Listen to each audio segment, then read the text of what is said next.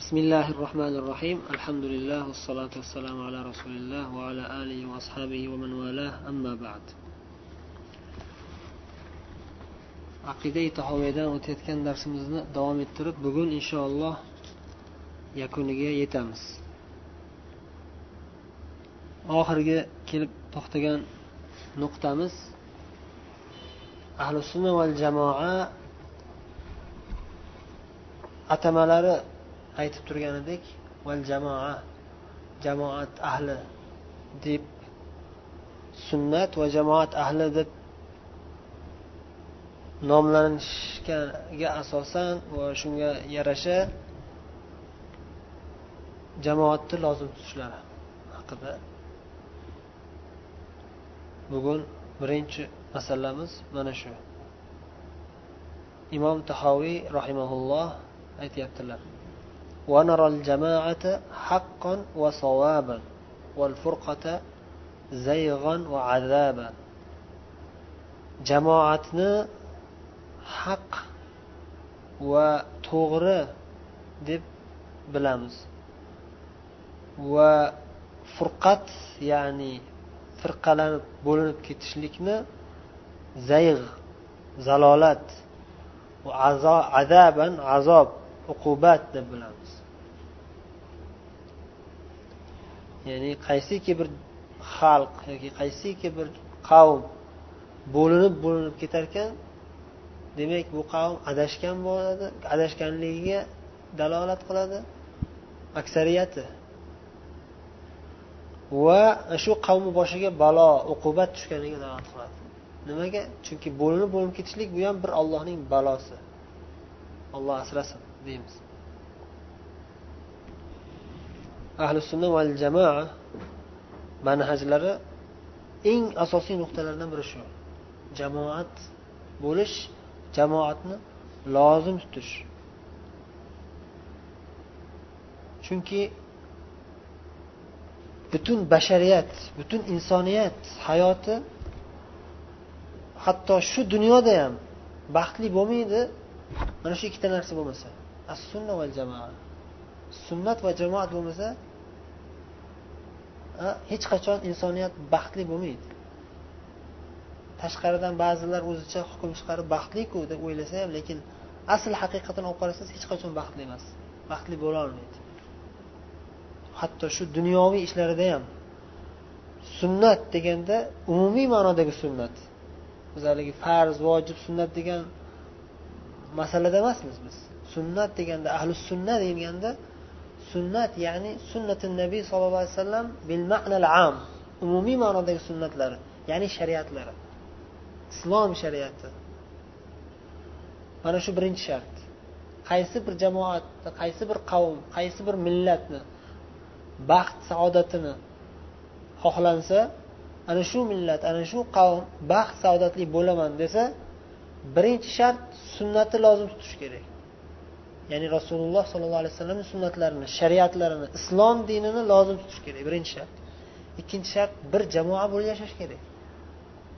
Bir jamoa bo'lib yashamasa hamma yoq odatintar bo'ladi. Shoir aytgandek la yasluhun nasu fawda la surata lahum va la surata lahum idza juhaluhum sadu. Odamlarni ahvoli hech qachon to'g'irlanmaydi agar ular favdo bo'lsa ya'ni odarto'ntar bo'lsa favdo degani shuni ma'noda ya'ni har kim o'zi bilganini qilib har kim to'rtta tomonga tortgan. Bunisi bunga qarshi bunisi bunga qarshi bo'lsa hech qachon odamlarni ahvoli tuzalmaydi. Bir jamoa bo'lishi kerak. Odamlar baxtli tinch omon yashash uchun jamoat bo'lishi kerak. Bo'lmasa hamma bir birisiga tosh otgan hamma bir birisini go'shtini yegan hamma bir birisiga hujum qilgan hamma har yoqqa tortgan hamma odat o'ntar bu yotaveradi. Alloh asrasin. Demak mana shu ya'ni insonni aqli bilan hukm chiqarganda ham shuni aytyapmizki insonlarga bir qonun kerak bir qonun kerak va shu qonunga hamma jamoat bo'lib itoat qilib yashash kerak. O'shanda insonlar shu dunyosida ham baxtli yashaydi. Dunyoviy qonunlar mana shu dunyoviy ishlarni ba'zi bir jihatlarini tuzatib tartiblab odamlarni ko'pchilik qismini shunga birlashtirib shu bir davlat qurib yashashi mumkin. Mana amerika bo'ladimi yevropa bo'ladimi kofirlar bir jamoat bo'lib yashayapti bir qonunga rioyasini qilib ma'lum bir darajada ishlarini tuzatib yuribdi. Bular bitta shartni ma'lum bir darajada bajardi. Jamoat bo'lib birlashib yashayapti. Qonun tuzib oldi o'ziga. Birinchi sharti boshqacha. Bizni shartimizga rioya qilgani yo'q. Birinchi shartini ular o'zidan paydo qildi. Ular o'g'irlagan bo'lsa ham bizdan hatto. Masalan fransiya qonunlarini qarasangiz molikiy mazhabdan olingan. Hokazo boshqa bir qancha kofir davlatlarni qarasangiz shariat qonunlaridan o'g'irlagan ular. Juda ko'p qismini aksariyatini emas. O'g'irlab turib o'zgartirib o'zini havoyi nafsiga to'g'irlash uchun ma'lum bir darajada qonun tuzib olgan o'ziga. O'shanga binoan odamlarni majburlab itoat qildiryapti. Odamlar aqllisi ya'ni davlat bo'lmasa qonun bo'lmasa baxtli bo'lmaymiz deb itoat qilib yashayapti bir davlat ketyapti ya'ni. Qachon shunga itoat bo'lmasa namoyishlar to'polonlar og'dar to'ntar inqilob bo'lib og'dar to'ntar bo'lib ketyapti misol uchun. O'sha dunyoviy bu aqliy jihatdan kelganda biz nafaqat aql bilan kelamiz. Biz birinchi o'rinda o'zi shariat bilan kelamiz. Shariat haq ekanligini boshida aql bilan tushunib yetamiz. Fitratimiz aqlimiz islom dini haq ekanligini tushunib yetadi. Tushunib yetganimizdan keyin qabul qilganimizdan keyin bo'ldi. Aql masalasi ikkinchi o'rin turadi birinchi o'rin turmaydi bir narsani haq ekanligini bildingizmi? Mana shu din haq ekanmi? Shu aqlingiz bilan tushunib yetdingizmi? Kirdingizmi? Dinga bo'ldi. Endi aqlingiz e-, ergashuvchi bo'ladi. Ergashuvchi bo'ladi. Birinchi o'ringa qo'yib qo'ymaysiz. Nimaga? Chunki siz aqlingiz bilan bildingizki shu din meni hayotimga baxt olib keladigan sababchi bo'ladigan din ekan.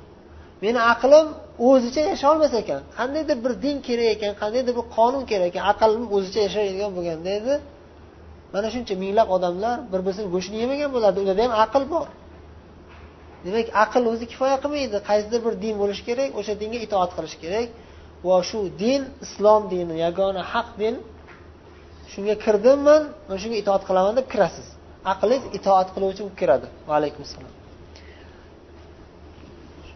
ana shu birinchi shart demak.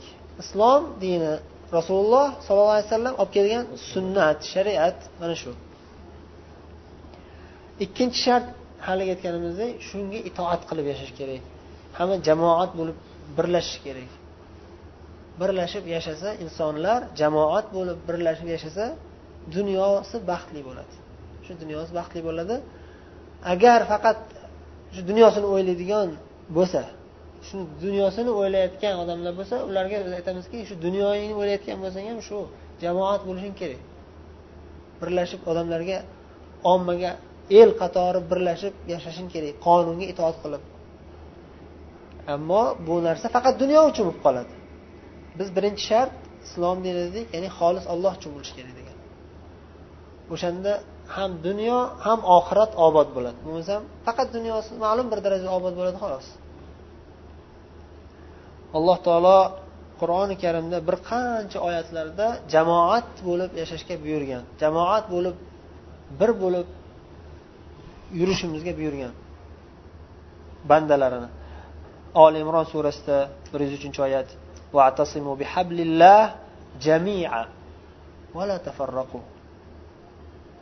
ollohning arqoniga ya'ni yagona allohga itoat qilib ibodat qilib yashashga mahkam ushlanglar. Jamia jamoa hammanglar bir jamoat bo'lib vala tafarraqu. Firqa firqa bo'lib bo'lib bo'lib ketmanglar. Boshqa oyatlar ham bor. Oyatlarga qarasangiz aksariyat oyatlar jamoatga xitob qilib keladi. Ya ayyuhallazina amanu deydi. Ya ayyuhal mu'min. Ya man aman deb bir kishiga xitob qilib aytmaydi. Xuddi shunday bir qancha hadislarga qarasangiz aksariyati aksariyat hadislar ham jamoatga xitob qilib keladi. Ayyuhannas ey odamlar chunki insoniyat jamoat bo'lib yashashga muhtoj. Biz birinchi o'rinda musulmonlar jamoat bo'lishimiz zarur bo'lganligi uchun alloh taolo doim bizga umumiy xitob ey iymon keltirgan zotlar deydi. Ey iymon keltirgan zotlar hamma oyatlar. Islom dinini qarasangiz aksariyat qonunlar o'zi jamoatga buyuradi. Namoz erkaklar masjidda jamoat bo'lib o'qish kerak. Haj jamoat bo'lishi kerak. Ramazonda hamma birga ro'za tutish kerak. Tarovehlar jamoat bo'lib o'qiladi. Bir kishi safarga chiqishdan qaytardilar jamoat bo'lib safarga chiqinglar dedilar. Ha? Bitta odam o'zi chiqsa shayton bu odam dedilar. Ikkita odam chiqsa ikkita shayton dedilar. Uchta odam chiqsa bular musofir ha dedilar. Hadis. Uchta odam bo'lib chiqdimi endi bitta albatta bitta amir bo'lsin bir boshliq bo'lsin o'sha boshliqqa itoat qilinglar shu safar ishlarida. Demak biz butun hayotimiz jamoatlikka bog'langan. Bir jamoat bo'lib yashashga buyurilganmiz. Hamma ishlarimizda. Endi asl birinchi boshliq boshlanish birinchi qadam bitta odamni o'zidan boshlanadi. La ilaha illalloh muhammad rasululloh. Bo'lmasam siz odamlarga qarab qolsangiz odamlar adashib ketsa siz ham adashib do'zaxga ketib qolaverasiz. Birinchi poydevor baribir o'zingizdan boshlanishi kerak. Ichingizdan boshlanishi kerak. Ichingiz agar xolis birinchi o'rinda allohga bog'lansa o'z o'zidan jamoatga itoat qilib jamoatga birlashib ketaverasiz. Qolganlari ham albatta o'ziga yarasha tartiblari bo'ladi lekin boshida baribir birinchi o'rinda o'zingiz ichkaridan boshlanishi kerak. Hamma narsa poydevordan boshlanadi. Uy quraman desangiz poydevordan boshlashingiz kerak.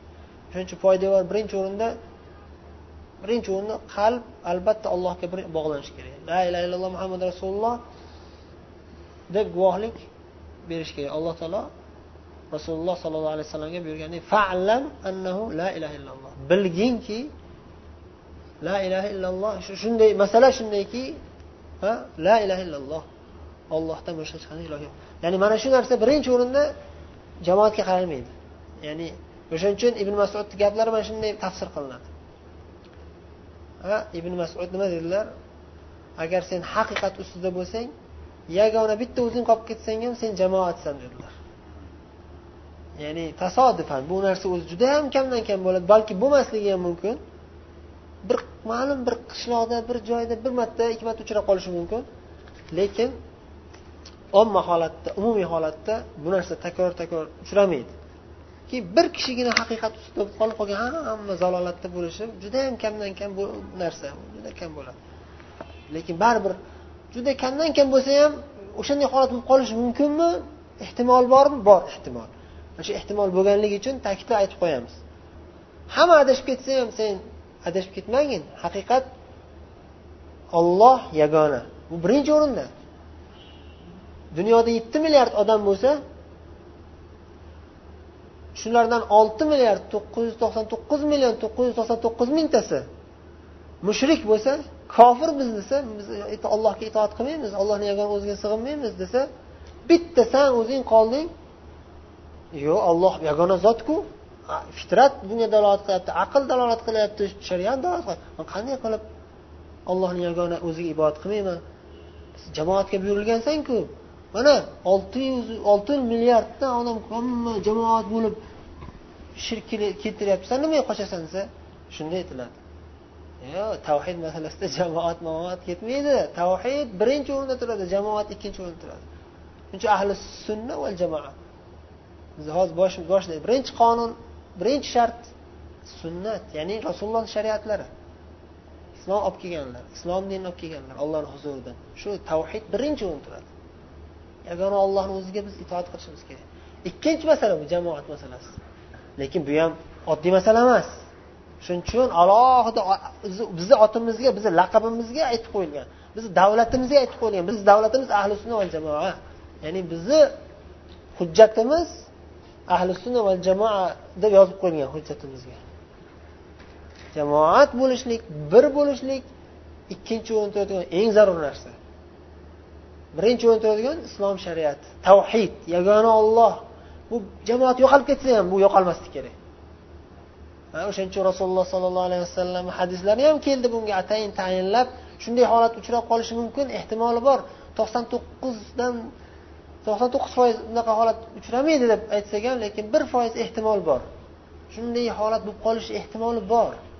Qachondir qayerdadir. Shunday holatga tushib qolishingiz mumkin siz. Bir kun emas bir kun. Balki tushmassiz to'qson to'qqiz foiz tushmassiz lekin bir foiz bo'lsa ham ehtimol borki hamma adashib ketsa ham siz adashmang deymiz o'sha payt. Shuning uchun abu huzayfa roziyallohu anhu rivoyat qilgan muttafaqun alayhi hadis shu narsaga ochiq ta'kidladi. Ochiqdan ochiqlab bunga ta'kidlaydigan dalillar ko'p o'zi aslida lekin bu hadis o'ziga xos xususiyati bo'lganligi uchun aytamiz shu o'rinda. Ya'ni tasavvur qilaylik.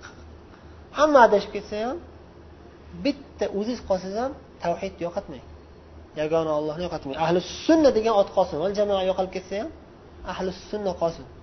Siz ahli sunna bo'lib qoling. Jamoat degan oti amalda yo'q bo'lsa ham lekin amalda yo'q bo'lsa ham lekin haqiqatda siz o'sha odam jamoat bo'lasiz ibn masud aytganlaridek amalda siz atrofingizdagilar hammasi mushrik kofir bo'lib ketgan bo'lsa ham siz dinni saqlab qoling. Huzayfa roziyallohu anhuga payg'ambar vasiyat qildilar.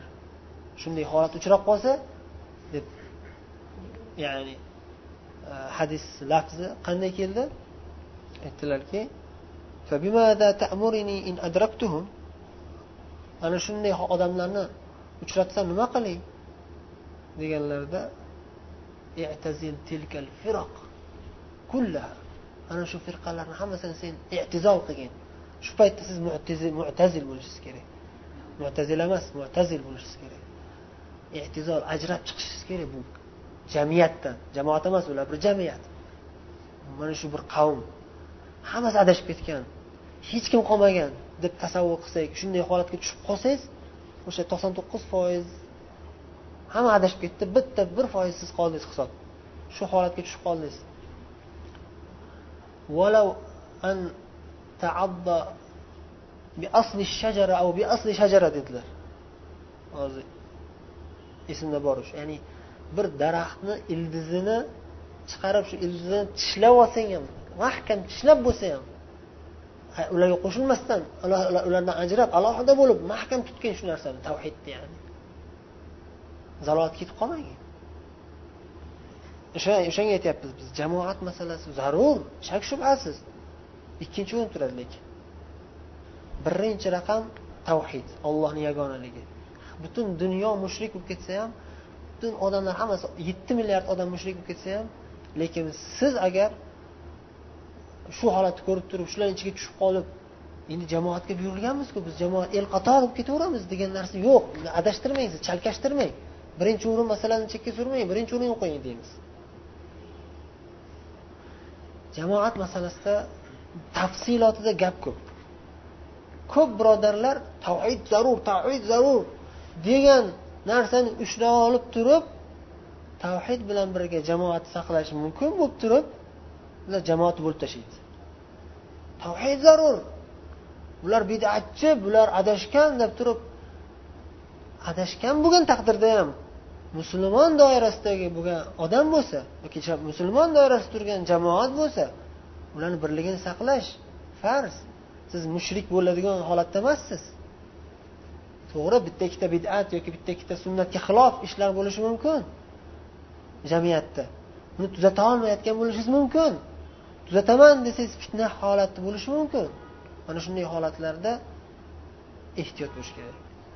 Shariat qonunlari ochiq oydin haq ravshan islomni muttafaqun alayhi bo'lgan qoidalari bor. Qavoidil kulliyal kubro deyiladi ulamolar aytishadi shu narsani kitoblarda yozishgan. Bu ya'ni umumiy qoidalar deyiladi umumiy islomiy qoidalari bor va bu qoidalarga qur'on hadisdan son sanoqsiz dalil hujjatlar bor. Shu qoidalardan bittasi qoidatul masolih val mafasid. Masolih mafasid degan maslaha mafsada. Ya'ni mana shu jamiyat bir nechadir million odamdan tashkil topgan bir musulmon jamiyat. Jamoat bo'lib turibdi bir jamoat bo'lib turibdi. Kamchiliklari bor yo'q emas. Hozirgi zamonda kamchiliksiz jamiyat o'zi yo'q. Ancha muncha kamchiliklari bor hamma jamiyatda. Hamma musulmon jamiyatlarida bor. Kofirlarni qo'yavering ularda gapirishga hojati yo'q ularni kamchiligini. Amerika yevropalarda har minutda har sekundda jinoyatlar turli xil jinoyatlar sodir bo'lib turadi. Yo odam o'ldirish yo zo'rlashlar yo o'g'irlashlar. Ularni gapirib o'tirish hojat lekin musulmon jamiyatlarni kelsangiz ham har sekundda har minutda ko'pdan ko'p xatolar bo'lyapti. Ko'pdan ko'p kamchiliklar sodir bo'lyapti. Mana shu narsalarni sababi birinchi o'rinda islomga amal qilmaslik mukammal amal qilmaslik ikkinchi o'rinda jamoatni lozim tutmaslik. Jamoatni lozim tutish degani odamlar sodda tushunadi sayoz tushunadi ba'zida. Ba'zida jamoatni lozim tutish nimani taqozo qiladi? O'zingizni foydangizni chetga surib qo'yishingizni taqozo qiladi. Zohirdan qaraganda siz hech narsa ish qilmagansiz. Lekin siz tark qilgansiz. Hech narsa ish qilmaysiz ba'zida. Balki siz bir ishni tark qilasiz. Bir ishni emas ko'pdan ko'p ishlaringizni tark qilasiz. Bir jamiyatda yashayapsiz ko'pdan ko'p ishlarni tark qilishga majbur qolasiz. Nimaga? Siz jamoatni bo'lmang deymiz. Siz hozir shu ishni qilmay turing deymiz. Nimaga? Siz siz qilsangiz siz orqangizdan bir qancha odam qiladi shu ishni. Natijada jamoat tarqalib ketadi birodar. Musulmonlar jamoat tarqalib ketadi. Yoki musulmon jamoat bo'linib ketadi. Yoki bitta siz qilasiz hech kim qilmasligi mumkin bu ishni ey palonchi bunaqa ish qildi deb turib hamma gapiradi. Hech kim qilmasa ham. Hammaga gap so'z bo'lasiz. Ular natijada nima bo'ladi? Natijada fitna bo'ladi deymiz. O'shaning uchun siz hech narsa ish qilmasangiz hech narsa bilinmaydi. Siz hech kim ko'rmaydi ham hech kim bilmaydi ham. Bu narsa sizni o'zingizni havoyi nafsingizga zarar. Havoyi nafsiz nimani xohlaydi? Mashhur bo'lishni xohlaydi. Mashhurlikni xohlaydi nihoya nafs. Inson nafsi sen mashhur bo'lishing kerak. Sen balandroq tabaqada yurishing kerak deydi. San ajralib yashashing kerak. Demak o'sha jamoat zarur. O'sha jamoatni lozim tutish deganda soya tushunmaslik kerak. Musulmonlarni jamoatini saqlash musulmonlarni jamoatini lozim tutish deganda hamma tomonlama tepaga tortish pastga tushib ketmaslik. Lozim tutish degani musulmonlar jamoatini lozim tutish degani shu jamoatni tepaga tortishimiz kerak degani ya'ni kuchaytirishimiz kerak degani pastga tushib ketmaslik degani o'sha haligi fitna bo'lib qolmaslik uchun ba'zi bir ishlarni tark qilish kerak bo'ladi. Yoki hatto ba'zi bir ishlarni qilish kerak bo'ladi. Sunnatga xilof ish bo'lsa ham qilmaslik kerak bo'lgan ishni qilish kerak bo'ladi. Masalan deylik o'zimizda tarqagan omin deyish. Majlis tugagandan keyin omin deb turib duo qilib qo'yish o'zi aslida sunnatda yo'q. Lekin shu ish qilsangiz katta bidat emas bu kichkina bidat bo'lishi mumkin. Kimdir niyat qilsaki mana shu narsa sunnat deb niyat qilsa. Yo bu o'zi duo har doim duo qilish joizku o'zi aslida. Bu har doim duo qilish e, bu savobli ish bu aslida. Lekin ayni shu majlis tugagandan keyin duo qilish degan narsa yo'q. Unga qo'shilamiz. Siz o'sha jamoat shunga o'rgangan ekan shu duo qilib qo'yavering hozir birdaniga tuzata olmaysiz. Bu tark qilsangiz fitna bo'ladi shu ish qilsangiz jamoat saqlagan bo'lasiz. Shuni o'zi bilan kifoyalanmang. Biz jamoat tepaga ko'tarishimiz kerak deymiz. Ilm tarqating. Sekin sekin o'sha sunnatga yetib boring odamlar shu sunnatni bilmayaptimi? Maqsadingiz qachondir shu sunnatni amalga oshirish bo'lsin. G'ildirak oldinga aylansin. Bir joyda xalas joyda qo'yib qo'ymang deymiz. Soddaroq qilib tushuntirganda. Furqa furqa bo'lib bo'lib ketishlik. Bo'lib bo'lib ketishlik. Misol uchun mana shu ibn taymiyani bir e, so'zlari bor. Qaysi e, o'rinda kelgan hozir eslolmayapman lekin ma'nosi shuki ashariylar haqida gap ketganda u kishi aytganlar. Ashariylar bilasizlar ya'ni ba'zi bir aqida masalalarda adashgan xatoga ketishgan.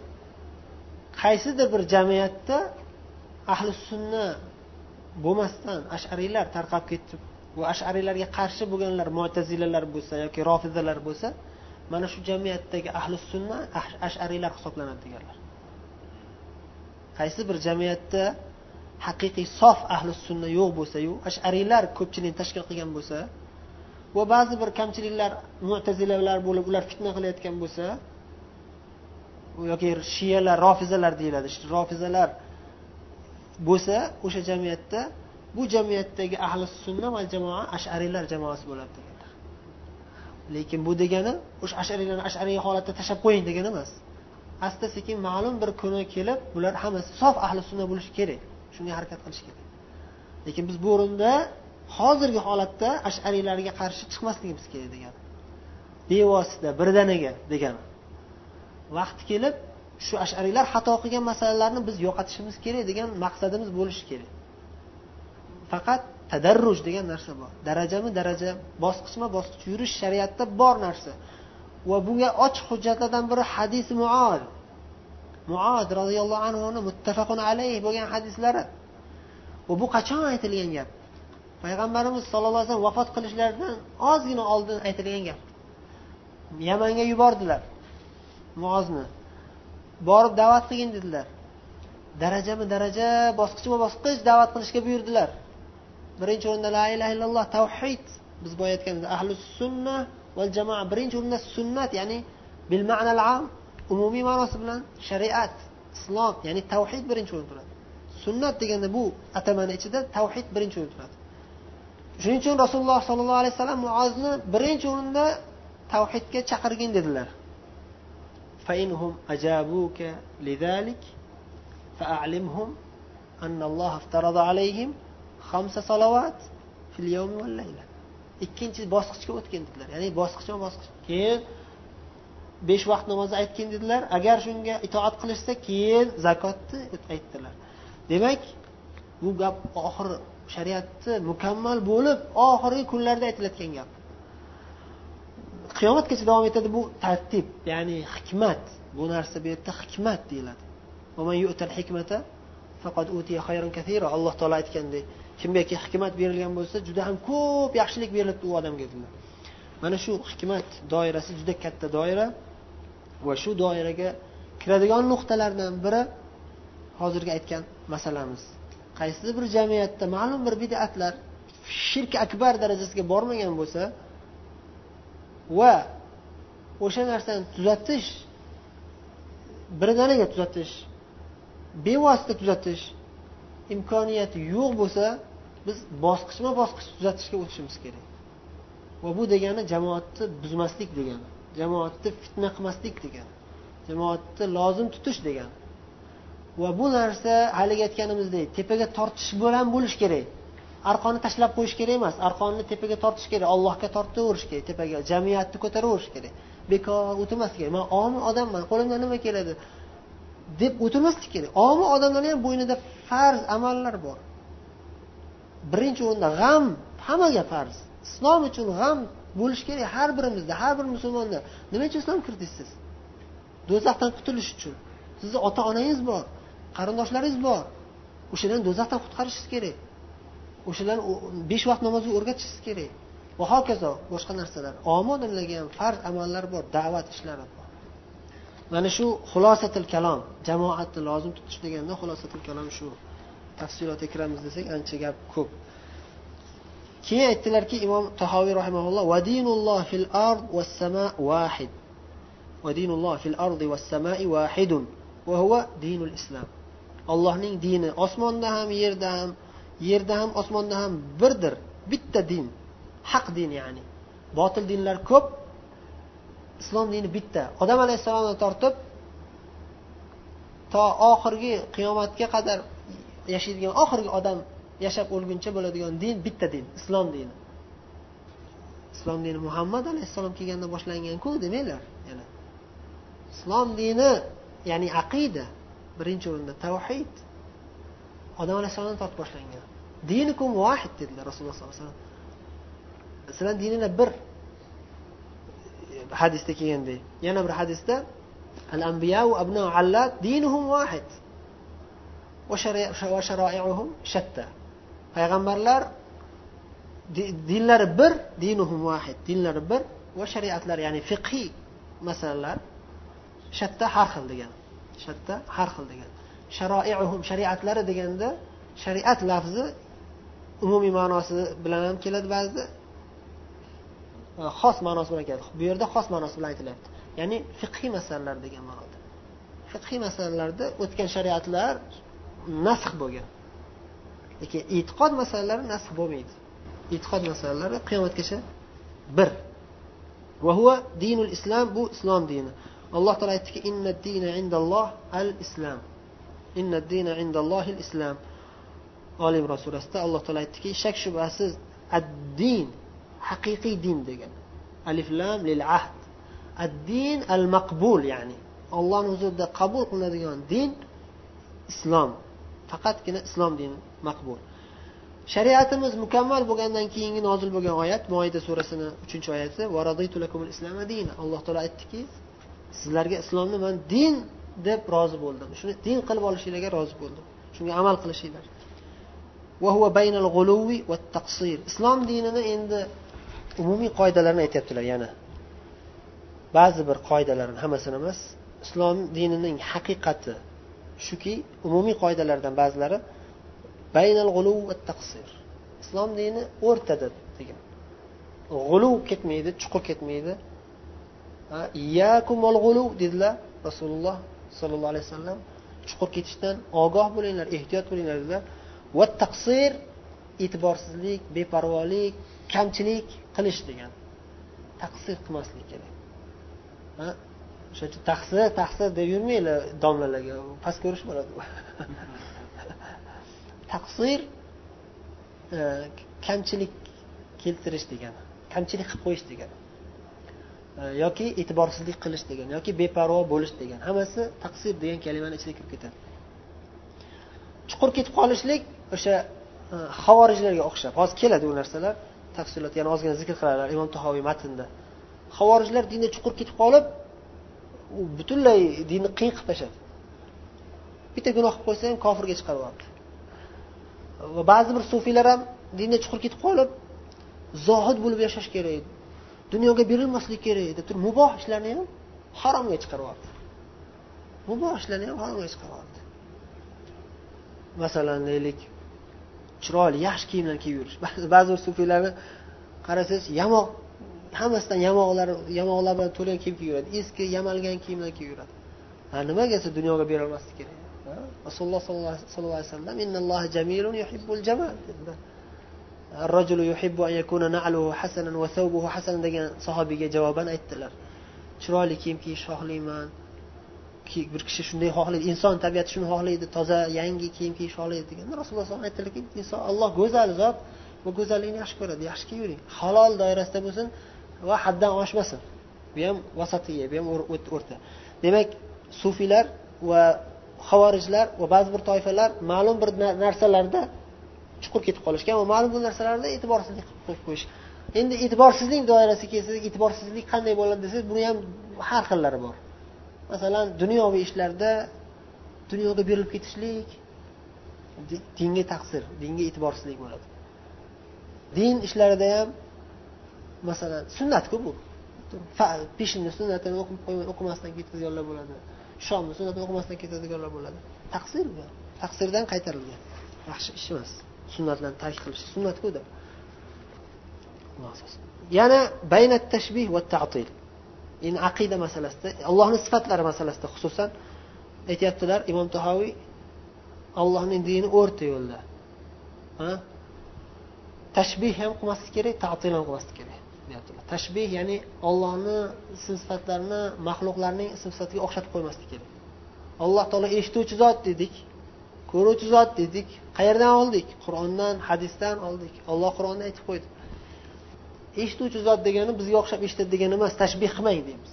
Xayolingizga ham keltirmang hech narsa tashbih ya'ni takyif va tamfir o'z ichiga oladi. Tashbih deganda bu yerda maqsad ma'lum bir shaklni tasavvur qilish.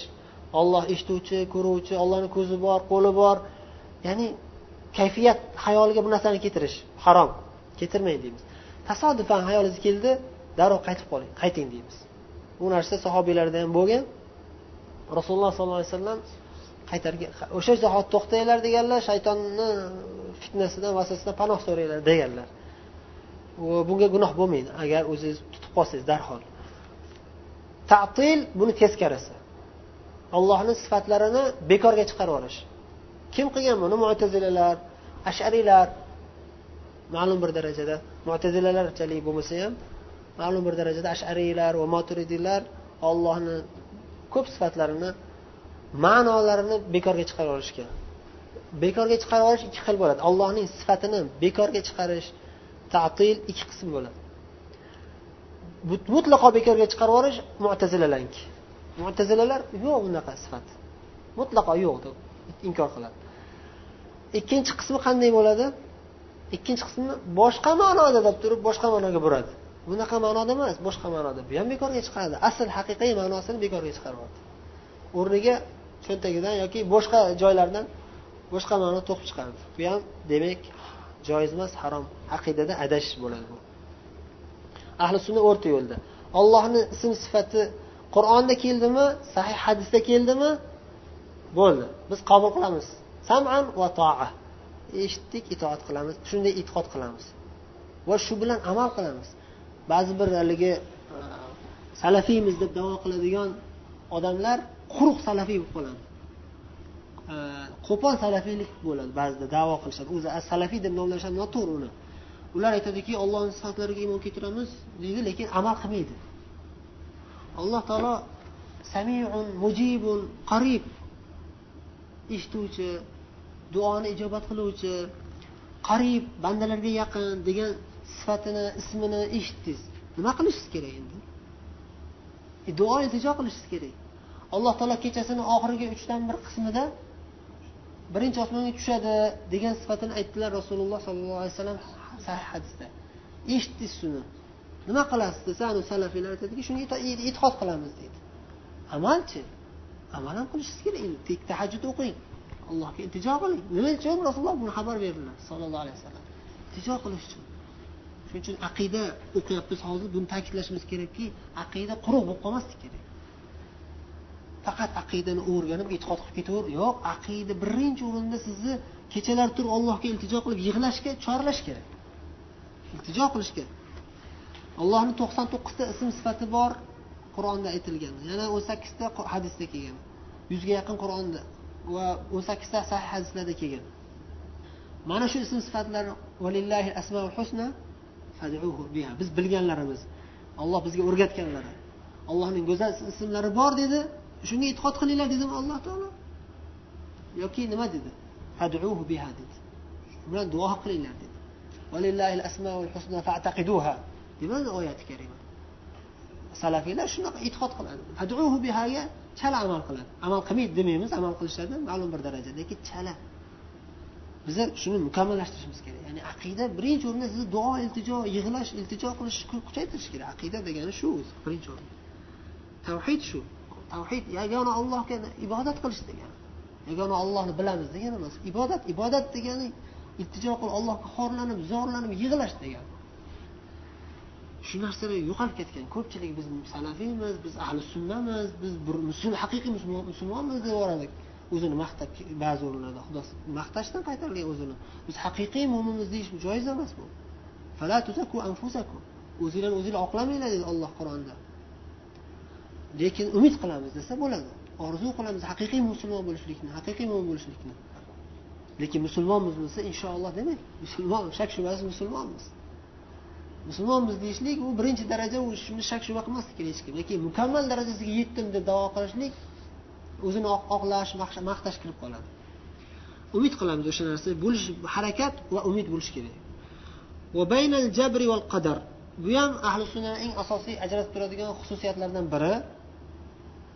Aqidada adashgan toifalar bittasi u yoqqa ketadi bittasi bu yoqqa ketadi. Doim shunaqada. Adashgan toifalarga qarasangiz yo bu yoqqa o'ng tarafga chuqur chuqurlikka kirib ketib qoladi yo chap tarafga beparvorlikka kirib ketib qoladi. Jabriyalar chuqurga ketib qolgan toifa.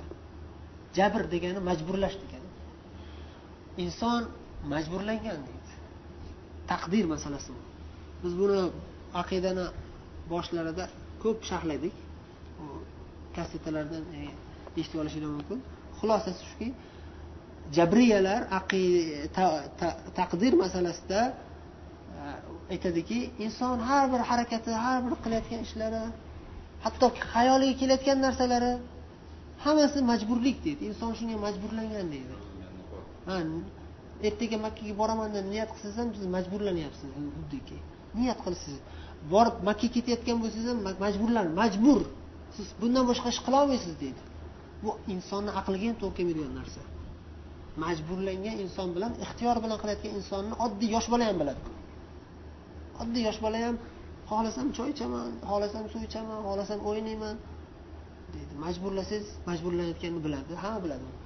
Farqi bor.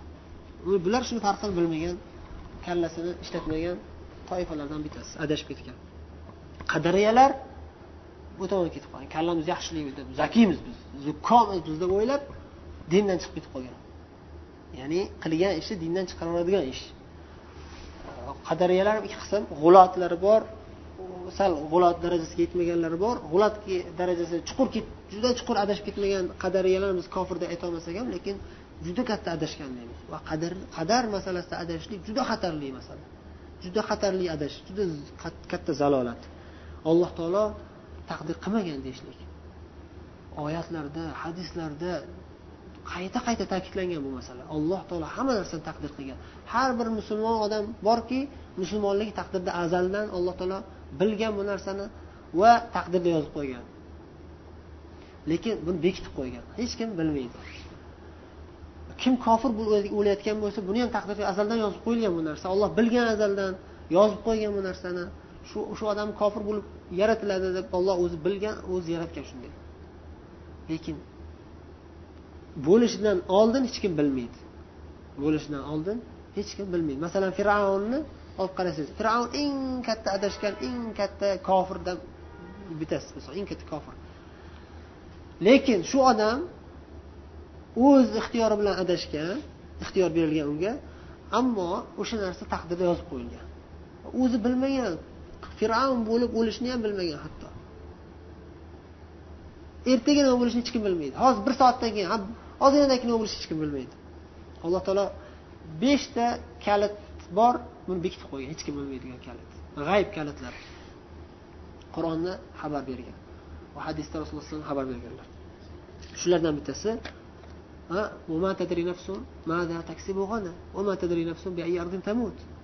ertaga kim nima qilishini bilmaydi dedi alloh taolo. Va hech qaysi bir banda qaysi joyda o'lishini ham bilmaydi dedi alloh taolo. G'ayb ilmni hech kim bilmaydi.